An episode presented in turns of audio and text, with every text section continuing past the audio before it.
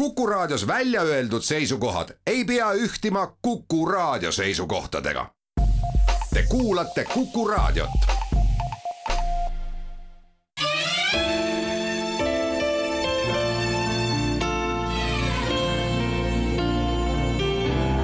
nädala raamat.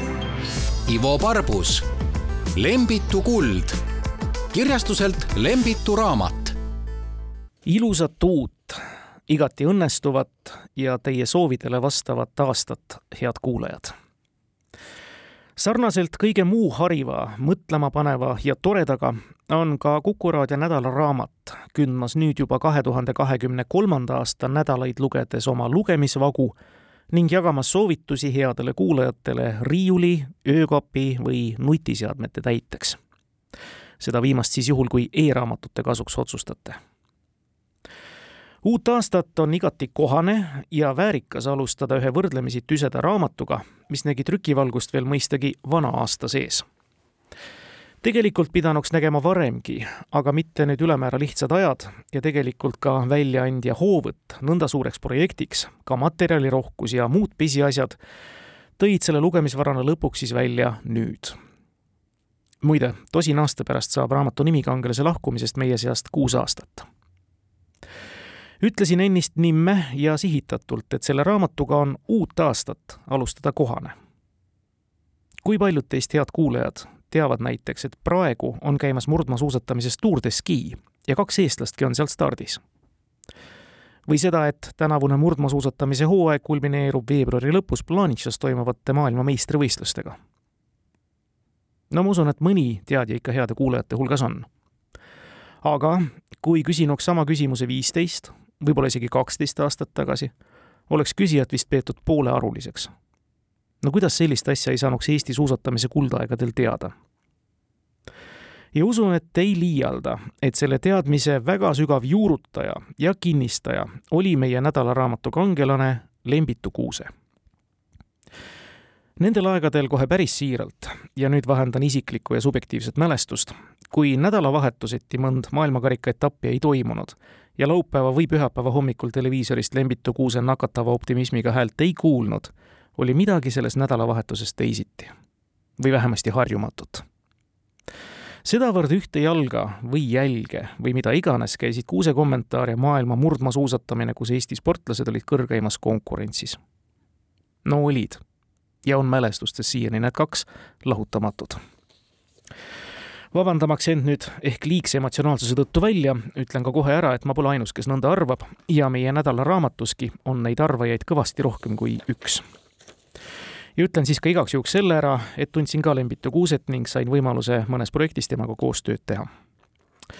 nüüd siis raamatust on ütlemata hea meel tõdeda, et meie Ringhäälingu ajalugu on võrdlemisi hästi hoitud, talletatud ja mäletatud ja ei pea silmas ainult unikaalset ja kordumatut Rahvusringhäälingu kõigile avatud Jupiteri arhiivi, vaid ka seda, et vähemasti paljude telemaastiku olulisemate inimeste lugu on ka raamatuna talletunud.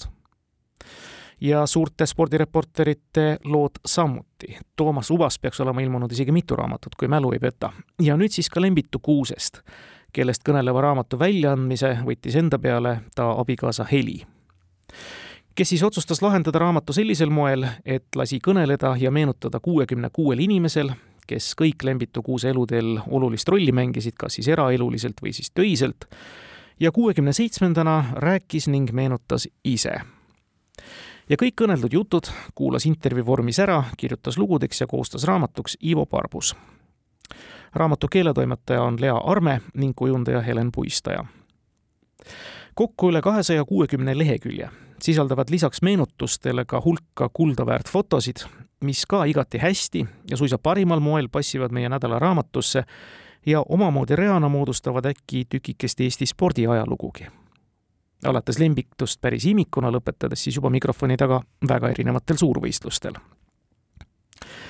ja kõik kirja pandud lood meie nädalaraamatus annavad kronoloogiliselt ka ülevaate Lembitu Kuuse elu- ja spordireporteride eest, olles samas täispikitud kõikvõimalikke ja väga erinevates žanrites mälestusi ning juhtumisi. ja tõepoolest, nagu koostaja märgib, nendest lugudest moodustub tervikpilt kuldaväärt mehest, kelle edastatud emotsioonid kasvatasid üles terve põlvkonna spordisõpru. Seni avaldamata elulooliste seikade ning luistakate meenutuste kõrval leiab raamatust ka arutlusi Eesti spordi eilsest ning tänasest päevast. ja muide, veelgi täpsem on sama kokkuvõtte teine pool raamatu leheküljed on laetud ehedatest tunnetest ning inimlikku suurust avavatest mõtetest, mis veenavad aususe ja vahetu siirusega. ja haaramegi nüüd sellest lausest kinni.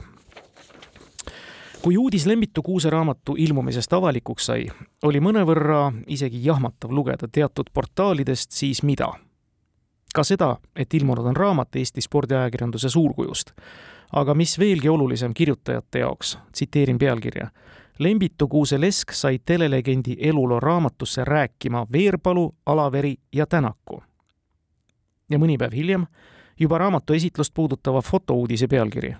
Veerpalu ja Alaver külastasid Lembitu Kuuse eluloo raamatu esitlust.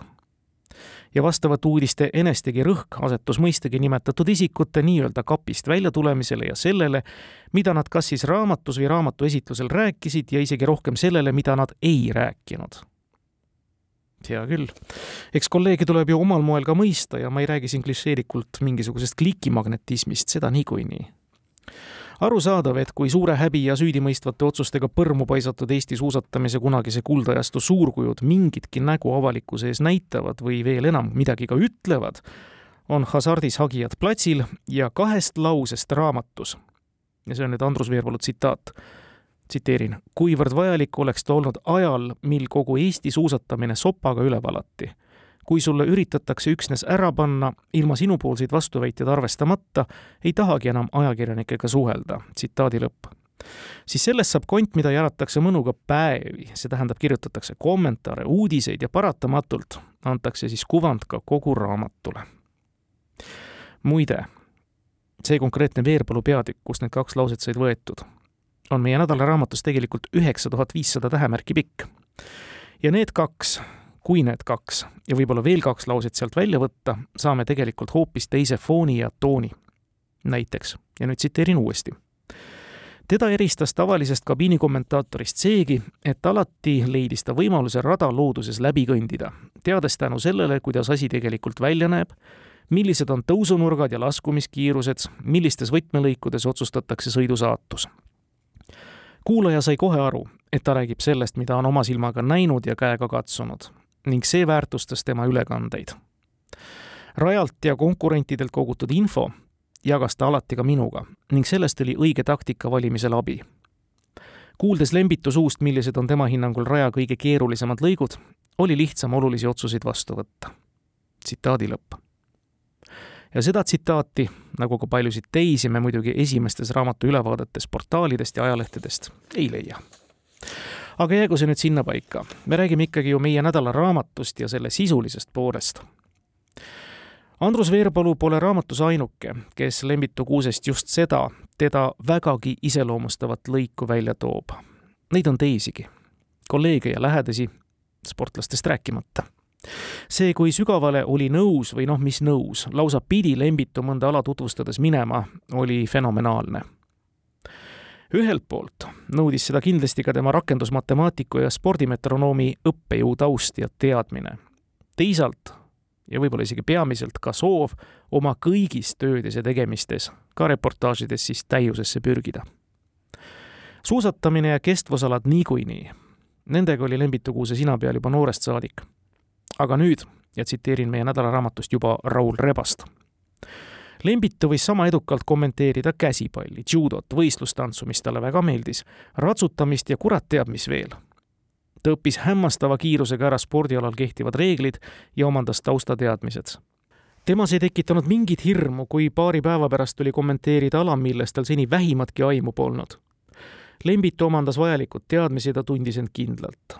see nõuab eneseusku ja loomingulisust, millest ta puudust ei tundnud.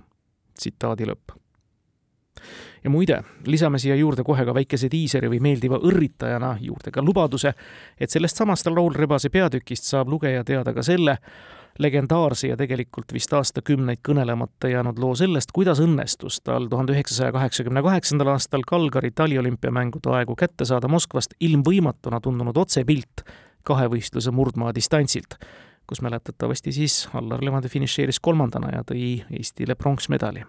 Seda siis nii-öelda lisaloona ja kogu raamatu lõikes siis saab põhi- ja lisalugudena teada veel oi kui palju näiteks seda, et Lembit ja Kuuse jõudis kõigi muu Mustmiljoni tegemise kõrvalt lõpetada muusikakoolis viiuliõpingud ja sedagi, kuidas lausa tammsaarelikus Tõe ja õiguse vaimus kulges Lembitule nii olulise sauna ehitamine suvekodusse Võsule. Head kuulajad, nädalaraamat kahe tuhande kahekümne kolmanda aasta esimesel nädalal ja oma teises tutvustusjaos on ütlemata hea meel, et stuudiosse on tulnud selle raamatu väljaandja Lembitu Kuuse abikaasa Heli. tere, Heli, ilusat uut aastat! tervist ja head uut aastat kõikidele! Neil päevil saab siis kuus aastat sellest, kui Lembitu meie hulgast lahkus.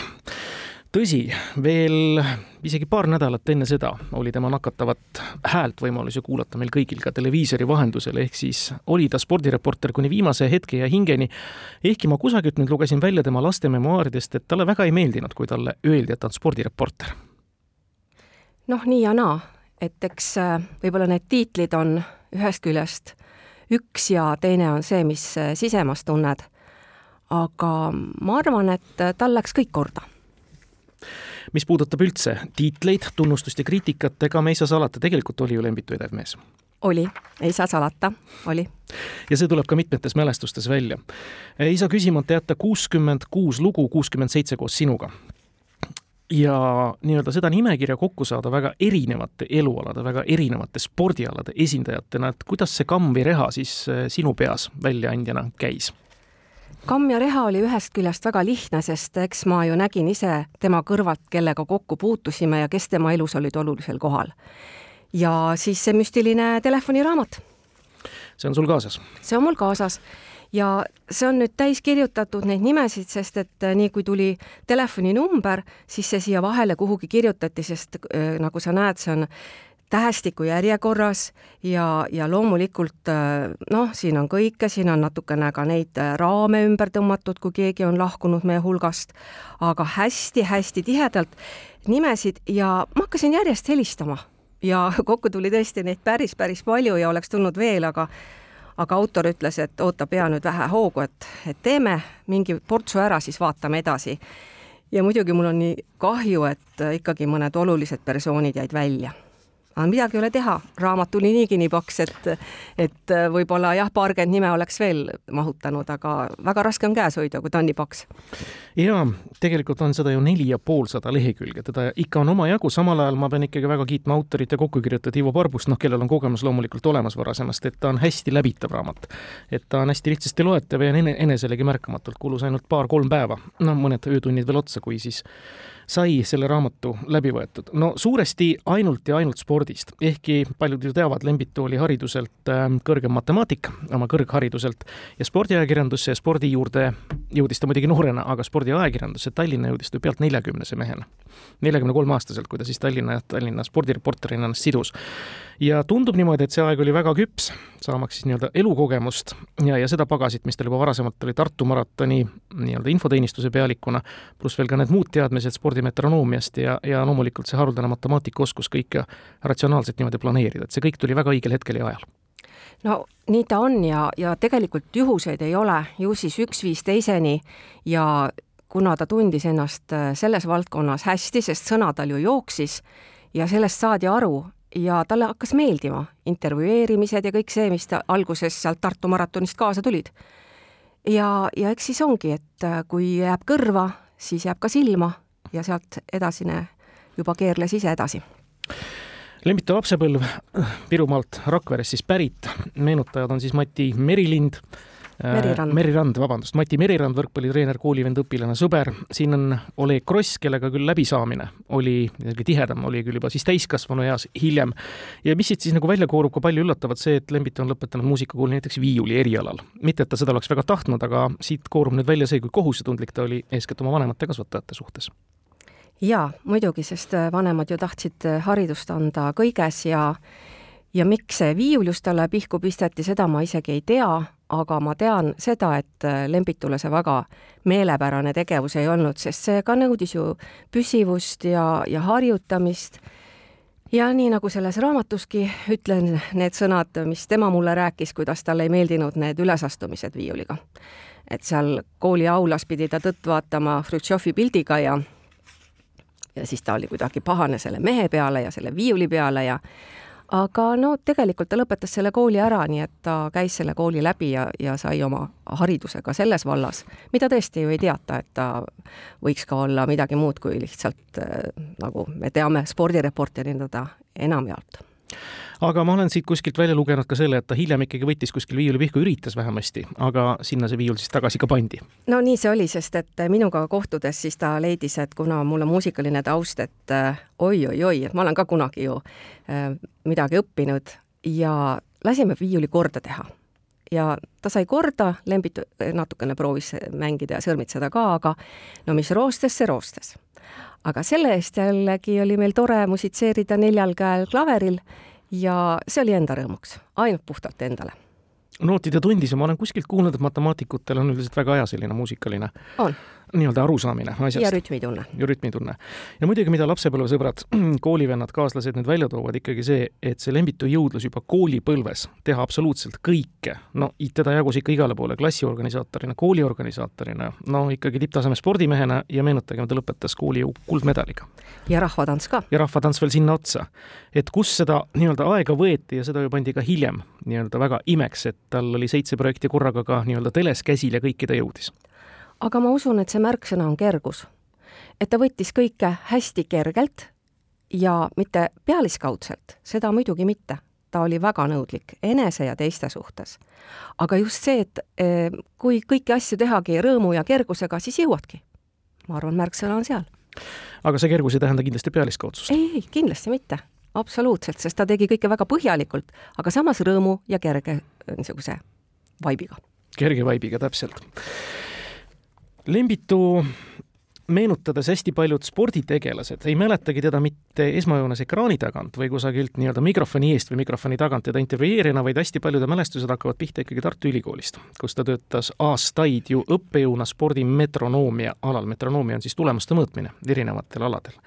ja kas sa nüüd enda jaoks avastasid ka lugedes midagi sellist uut ja huvitavat, mida nüüd nagu välja toodi just Lembitust kui õppejõust?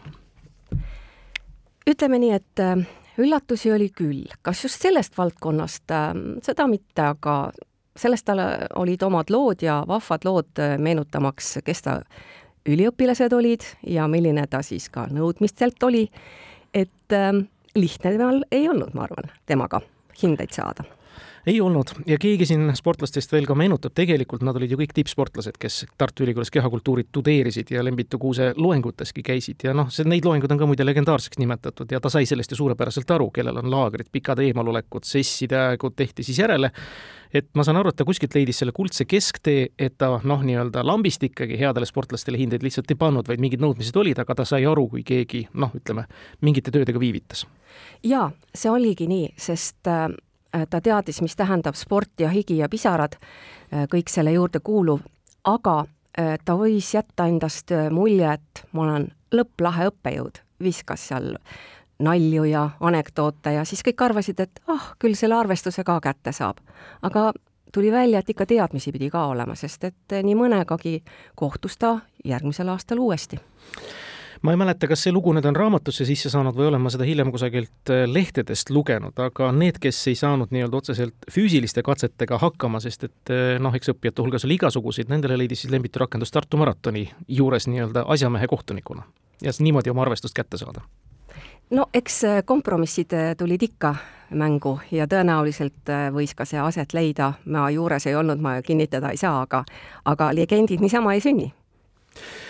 me siinkohal tänaseks lõpetame ja jätkame Heli Kuusega nädalaraamatu sirvimist juba siis homme, head kuulajad.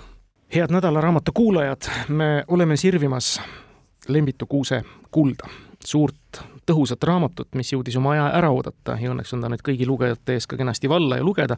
iseäranis loodetavasti veel lumiseks jõudva minnal mm, talvel, kui tasub kindlasti ka kõrvuti siis suusatamisega meenutada ka suusatamise suurmeest, kellega ta kindlasti komplektis käis, aga ta oli universaalne reporter ja nüüd ma tsiteerin teist korda selle nädala raamatuaega Raul Rebast kes ütleb, et Lembitu võis sama edukalt kommenteerida käsipalli, judot, võistlustantsu, mis talle väga meeldis, ratsutamist ja kurat teab, mis veel. sellised sõnad on lubatud, need on eestikeelsed sõnad, aga Raul Rebase meenutus ja me oleme stuudios jätkamas koos Heli Kuusega, raamatu väljaandjaga ja Lembitu abikaasaga kuidas sellega on? Raul Rebane toob välja, et kogu selle universaalsuse juures, kui oli mõni selline väga vähem tuntud ala, siis Lembitu võis nii-öelda hoobilt haarata võistlusala reeglid, nii-öelda põhimõtted paika panna, ilmselt ka kellegi asjaomasega konsulteerida ja siis nii-öelda külmakalana minna. mul meenub üks seik see oli Nõmme noortemaja juures, kus tehti automodelismi ja kedagi teist sinna lugusid tegema ei saadetud kui mitte Lembitut, kes ka muidugi ära jagas, millega seal täpselt tegemist on ja jagas ka oma piiri ära, et ta ei hakanud detailidesse nii-öelda mootori kubatuuri päris sisse minema ka mudelautode puhul. et äh, kõrvalseisjana, kuidas ta neid reegleid nii-öelda siis endale omaks võttis?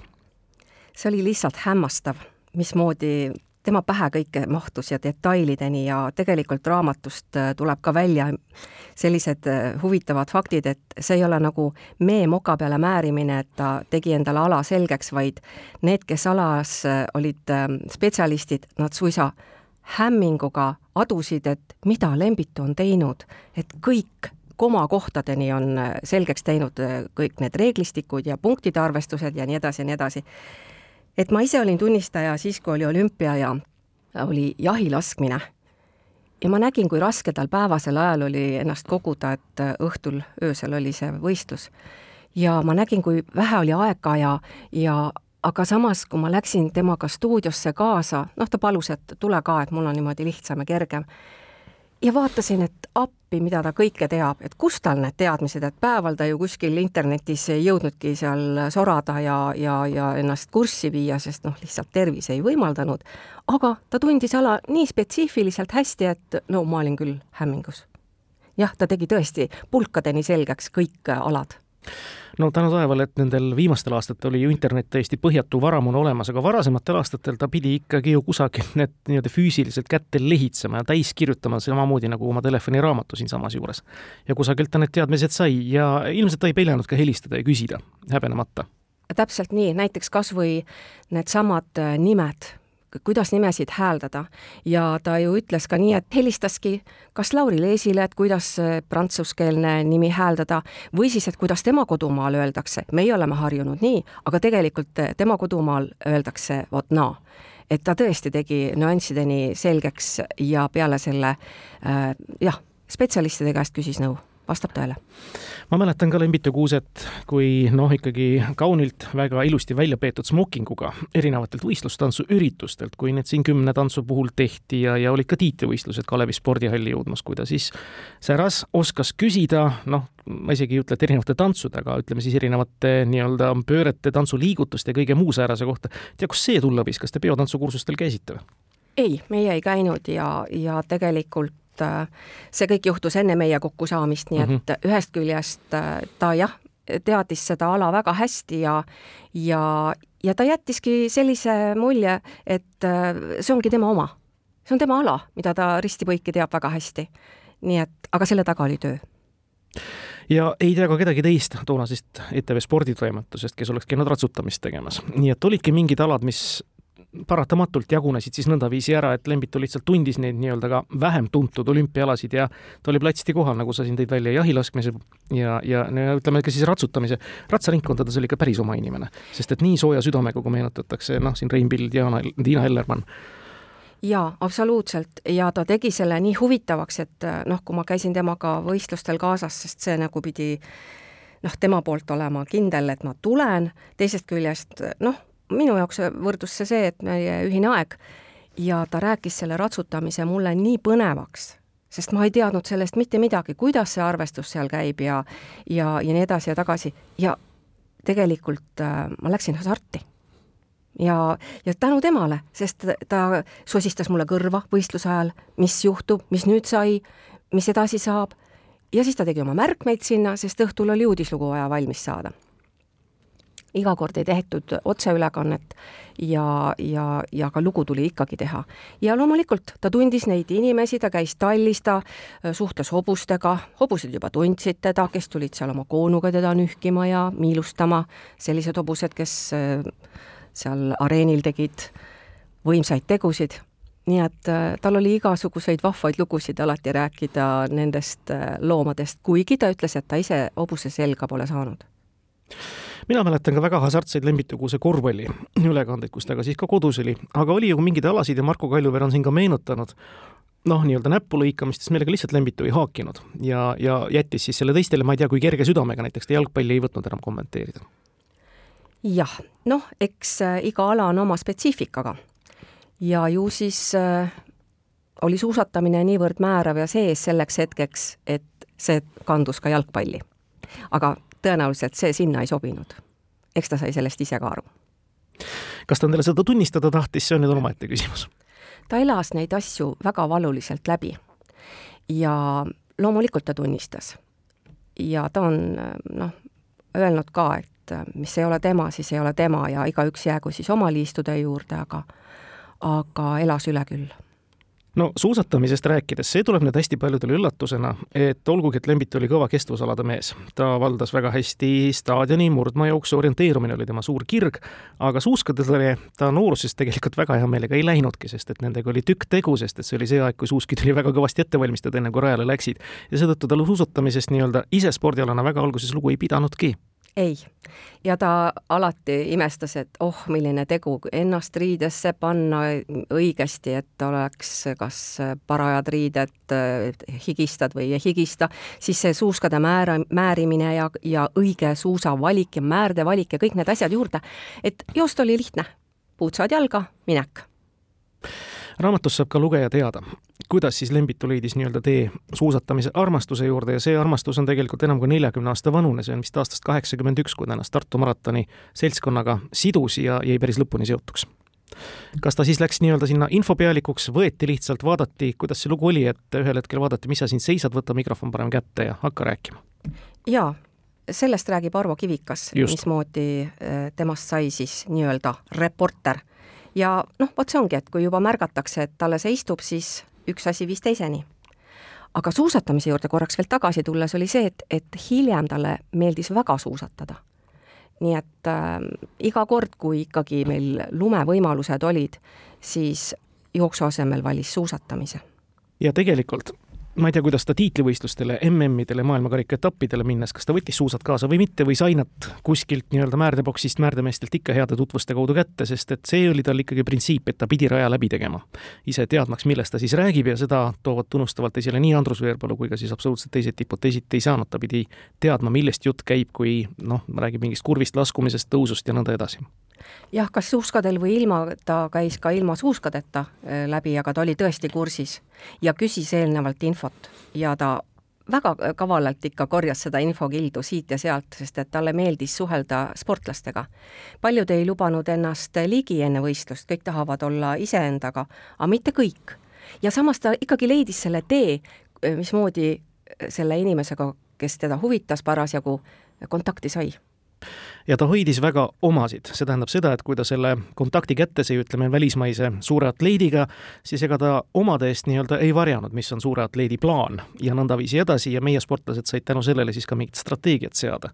aga samas, kui see asi puudutas nii-öelda oma sportlaste mingisugust sellist diskreetsemat osa nende ettevalmistustest, tujust, käitumisest, millest iganes, siis selle ta hoidis ikkagi väga varmalt ainult enda teada. see tuleb siit välja siinkohal tänaseks jälle lõpetame ja jätkame Lembitu kuuse kulla sirvimist juba homme, head kuulajad. head kuulajad, Lembitu kuuse kuld nädala raamatuna leidis eelmisel aastal küll ilmudes väga suurt vastukaja põhjustel, millest me oleme tegelikult ju rääkinud. ehk siis noh, pealkirjad tõid välja siis küll Andrus Veerpalu, Mati Alaveri, Ott Tänaku nime. aga Lembitu kuuset seejuures mainiti see üsna vähe.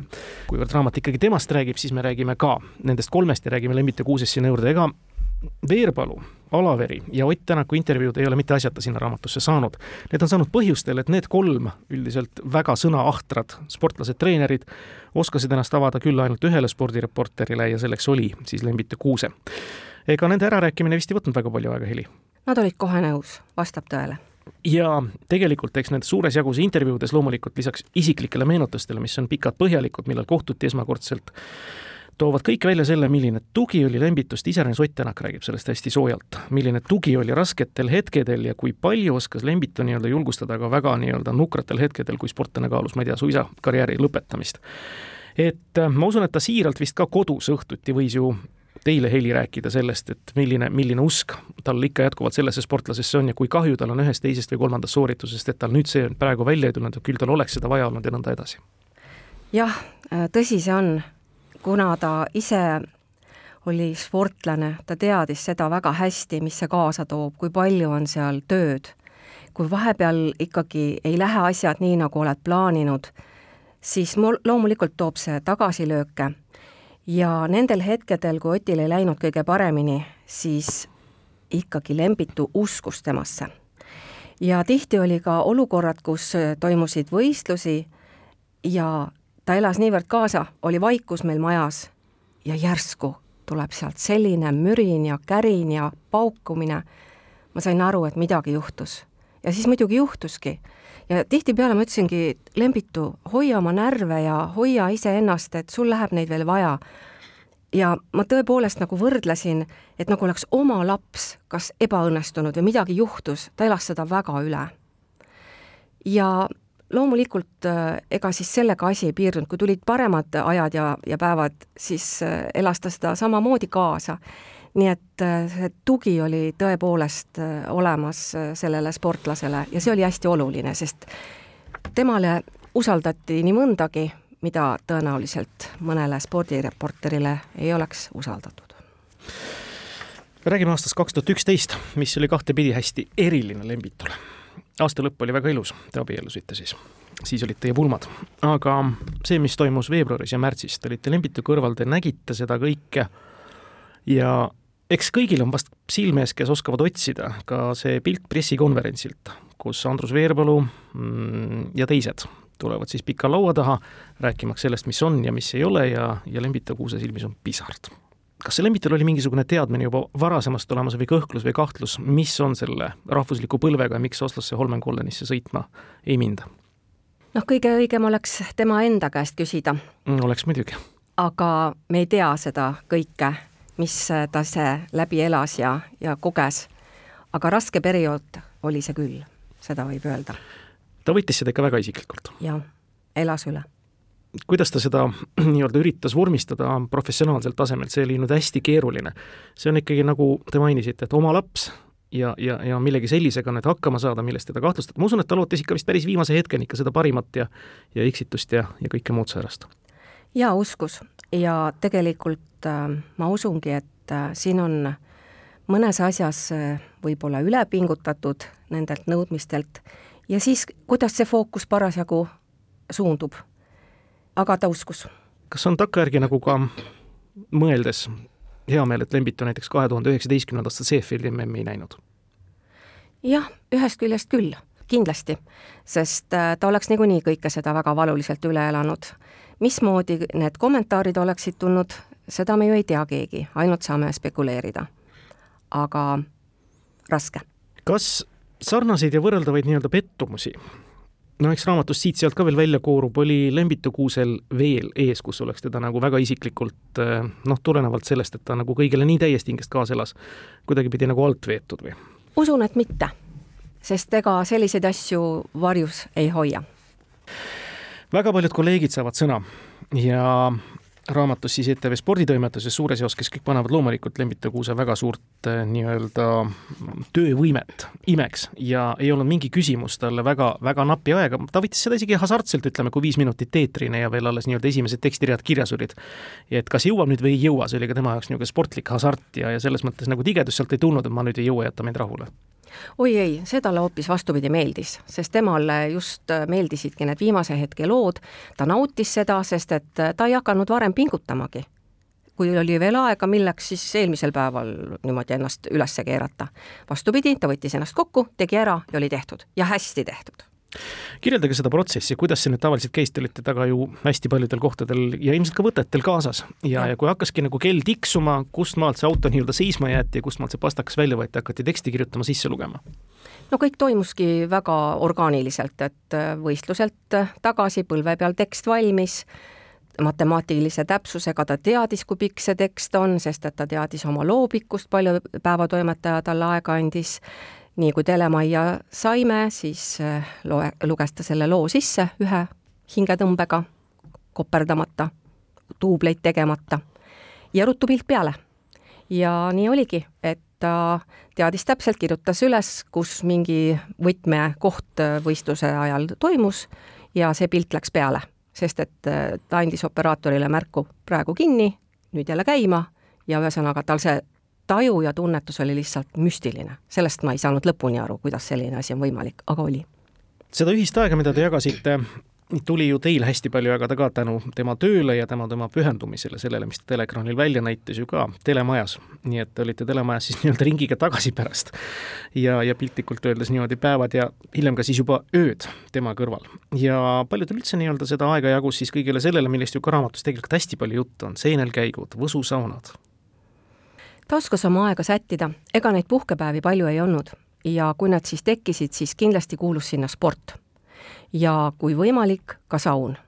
aga Võsu oli puhkuseaeg ja siis ta tõesti mitte kuhugi sõita ei tahtnud, sest äh, aasta jooksul oli sõitusid palju, tema tahtis võrkpalli mängida, õhtul saunas käia ja noh, kui ikkagi oli võimalust, siis ka metsas käia.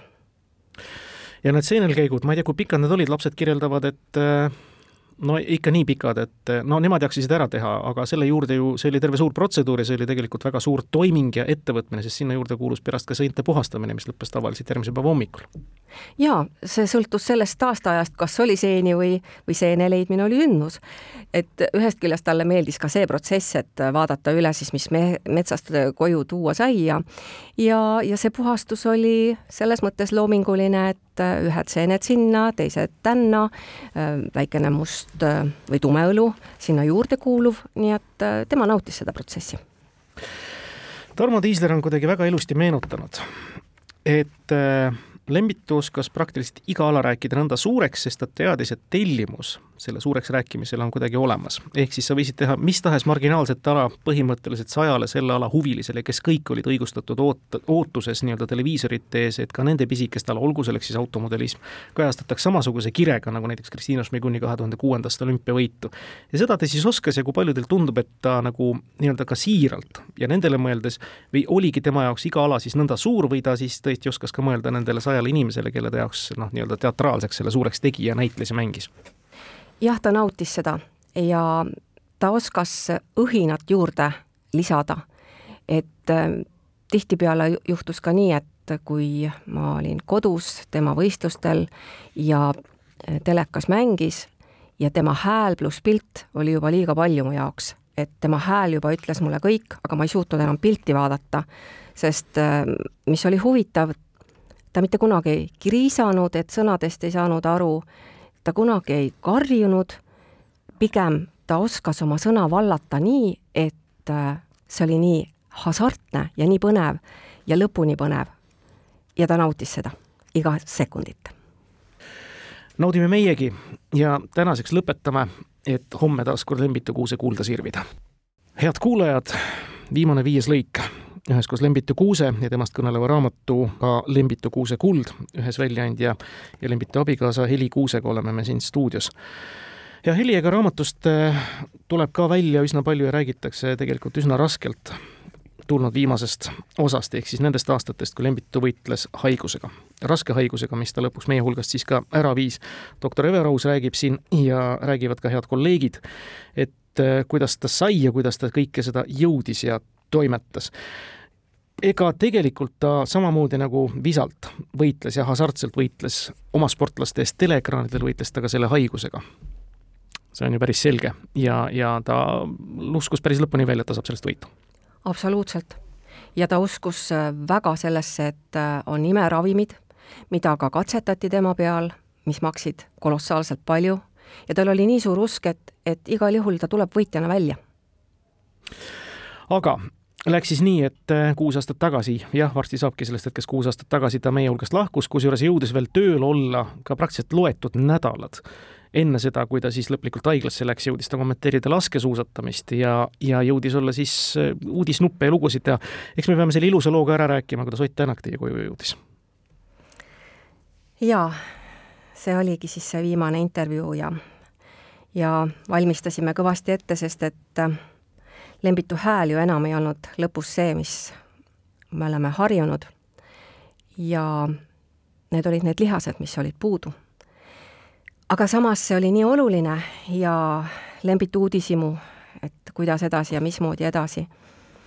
et see, see kõik oli selles valguses, et näidata ka, et ma olen olemas ja, ja midagi ei ole kadunud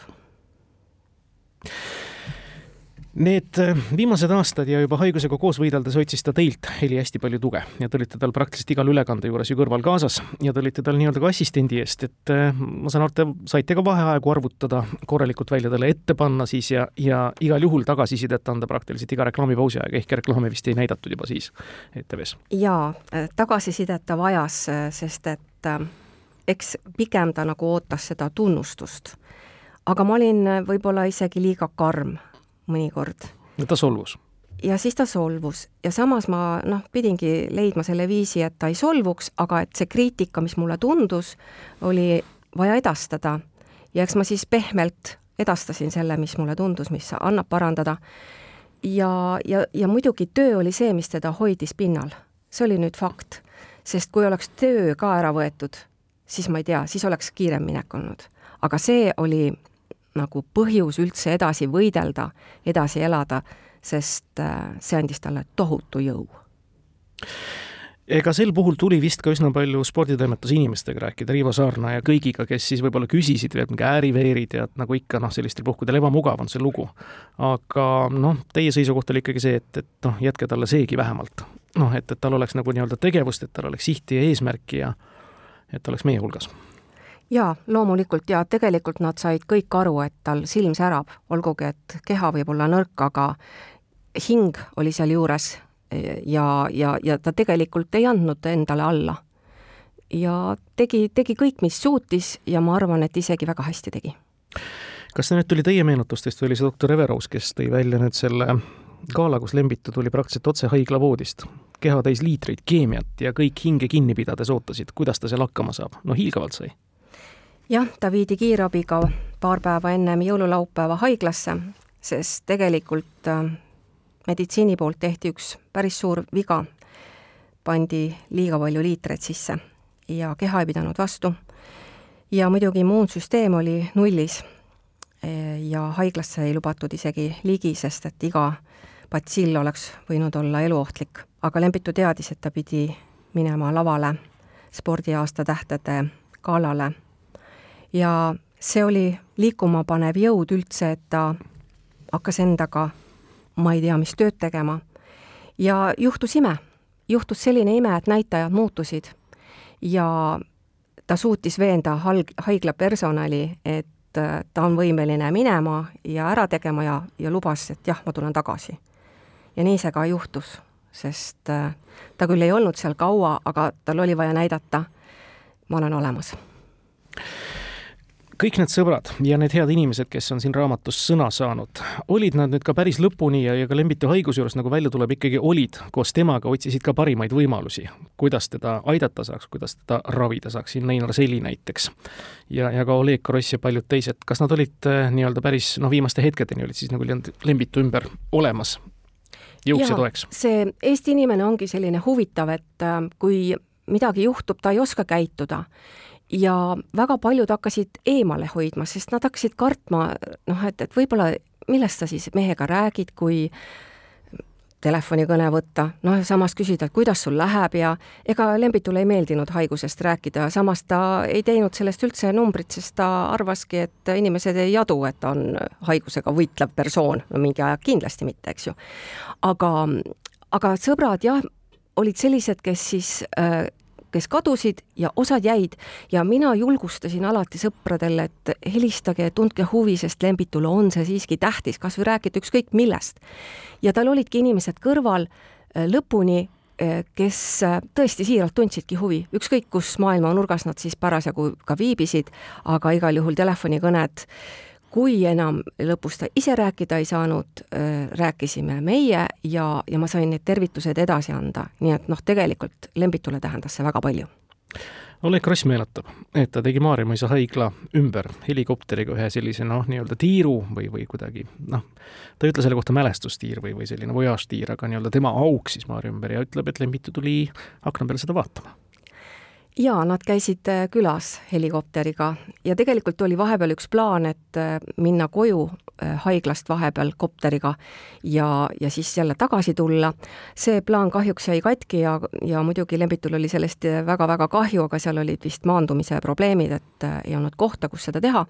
aga kui Oleg käis külas siis ta lahkus jah, helikopteriga, ta tegi selle tiiru nii, ta teadis täpselt, kus on Lembitu aknad ja, ja, ja ühesõnaga selline lehvitamine käis, nii et äh, õhinat ja, ja elevust tekitas kogu majale kui me nüüd räägime raamatust, siis on loomulikult hästi suur asi, et meie tele ajalugu ja suurte persoonide ajalugu on sellisel moel ka kenasti talletatud, nii et suur aitäh Heli selle nii-öelda ettevõtmise eest. millised on veel plaanid seoses nüüd Lembitu mälestuse ja tema noh, nii-öelda olnu ja tema arhiivi ja kõige selle säilitamisega, et ta meil jätkuvalt veel mälus oleks? jah, äh, mulle tunduski, et äh, seda on ikka vähe, kui temast jäävad ainult spordiuudised või ülekanded. et äh, õnneks nüüd see elulugu on siin raamatu kaante vahel ja loodetavasti jääb ka temanimeline fond alles, Eesti Rahvuskultuuri Fond, Lembitu Kuuse allfond. ehk sinna laekub nii palju raha, et see jääb alles ähm, ehk siis sellest rahast saaks võib-olla täiendamiseks spordireporteritele, et nad saaksid äh, sama headeks, kes teab, kes teab, aga ma arvan, et see ei ole veel kõik, aga iga asi omal ajal, nii et ma usun, et me räägime Lembitust veel, aga võib-olla mõne aja pärast. Raamatust tuuakse mitut puhku välja, et neid kingi loomulikult keegi ära ei täida, mida Lembitu Kuuse ette kõndis või, või, või sisse kõndis, ega, ega see ei ole ka eesmärk, sest et iga reporter peabki olema omanäoline ja oma žanri jutuga ja omas žanris ja mingitest aspektidest nagu parim ja tõesti Lembitut ja ma kardan, et suusatamist ei tee mitte keegi enam. Sellisel määral järgi ja vast ei ole isegi vaja, sest et ajad muutuvad, ülekandevormid muutuvad, info hankimise viis muutub ja kõik see teeb muidugi veelgi unikaalsemaks kõige selle, kuidas Lembitu Kuuse kõige selleni jõudis. Läbi selle infotulva ja, ja selliste vahendite ja väljendusvahendite, nagu toona siis saada oli nii et kel võimalus on, Lembitu kuusekuld on igati veel raamatupoodides täiesti aujärjel ja, ja tundub, et müüdavate raamatute aujärjel täiesti kenasti saadaval. kasutage võimalust ja lugege ja mõelge tegelikult nüüd kaasa, milliste hindadega ja millise hinnaga sündisid kõik need lood, millele ju tegelikult meie põlvkond, vähe nooremgi põlvkond sai kaasa elada. ja, ja kes Lembitu kuuse häält mäletavad ja tema noh, pidevat naeratust ja säraga silmis. aitäh teile, Heli, selle nädalaraamatu stuudio väisamise eest, selle nädalaraamatu enda eest soovime teile edu, jõudu! aitäh!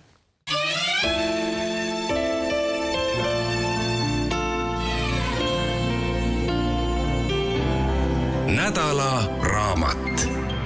Ivo Parbus, Lembitu kuld, kirjastuselt Lembitu Raamat